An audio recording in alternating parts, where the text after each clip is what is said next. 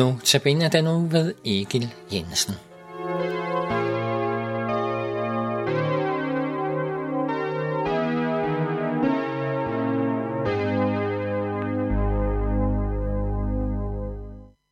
I dag fortsætter vi vores havevandring. Dog er det mere en vingård, vi skal vandre i, i det vi skal høre i dag.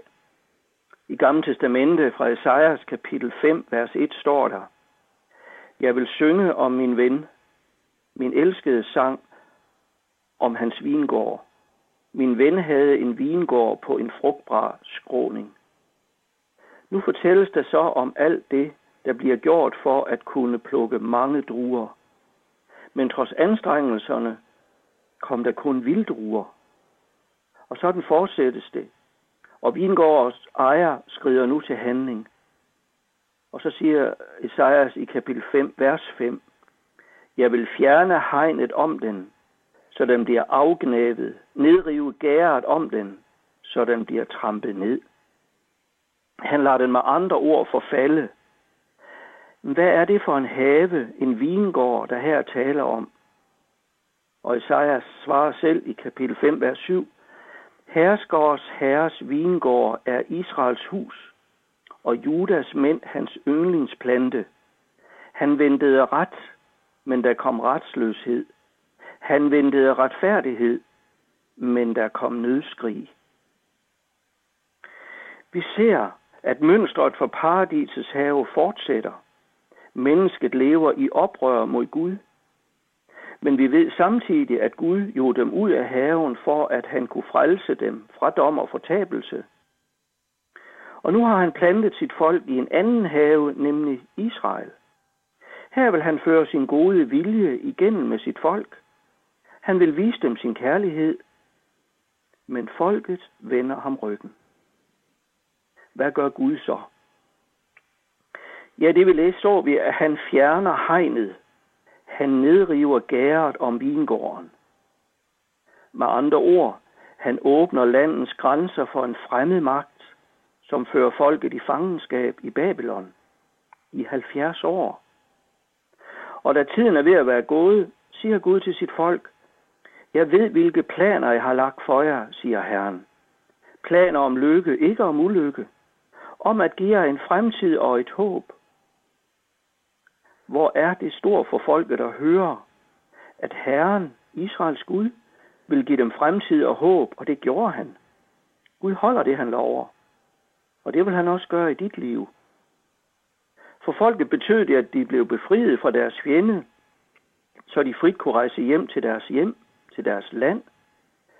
Det betød, at de nu vendte sig til Herren. Der står i Jeremias kapitel 30, vers 17 om Gud, at jeg læger dine sår. Jeg læger dig efter alle de slag, du fik, siger Herren. Sådan er Gud mod sit folk også i dag. Han opdrager, ja.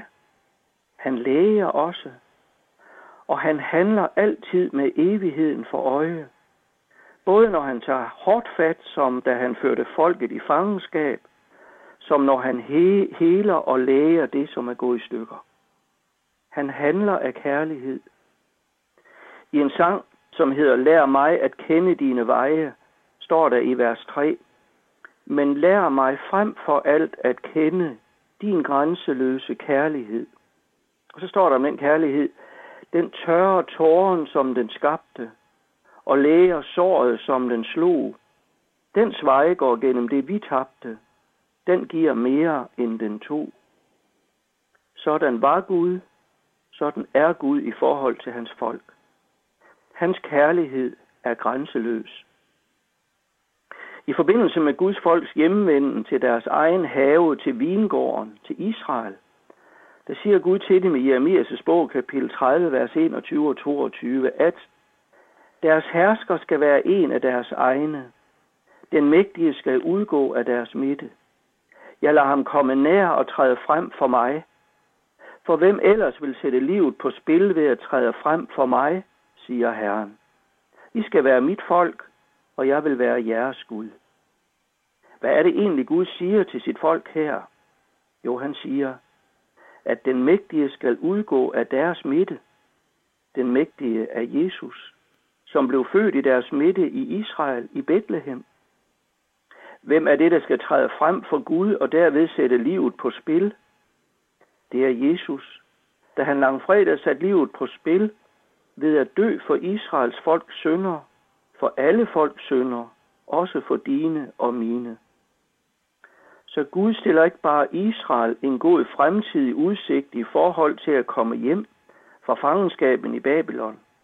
Han stiller dem en evig fremtidig udsigt hjemme hos Gud. Det er der fremtid med håb. Så stor en kærlighed må de leve i ved troen på Gud. Det må du også.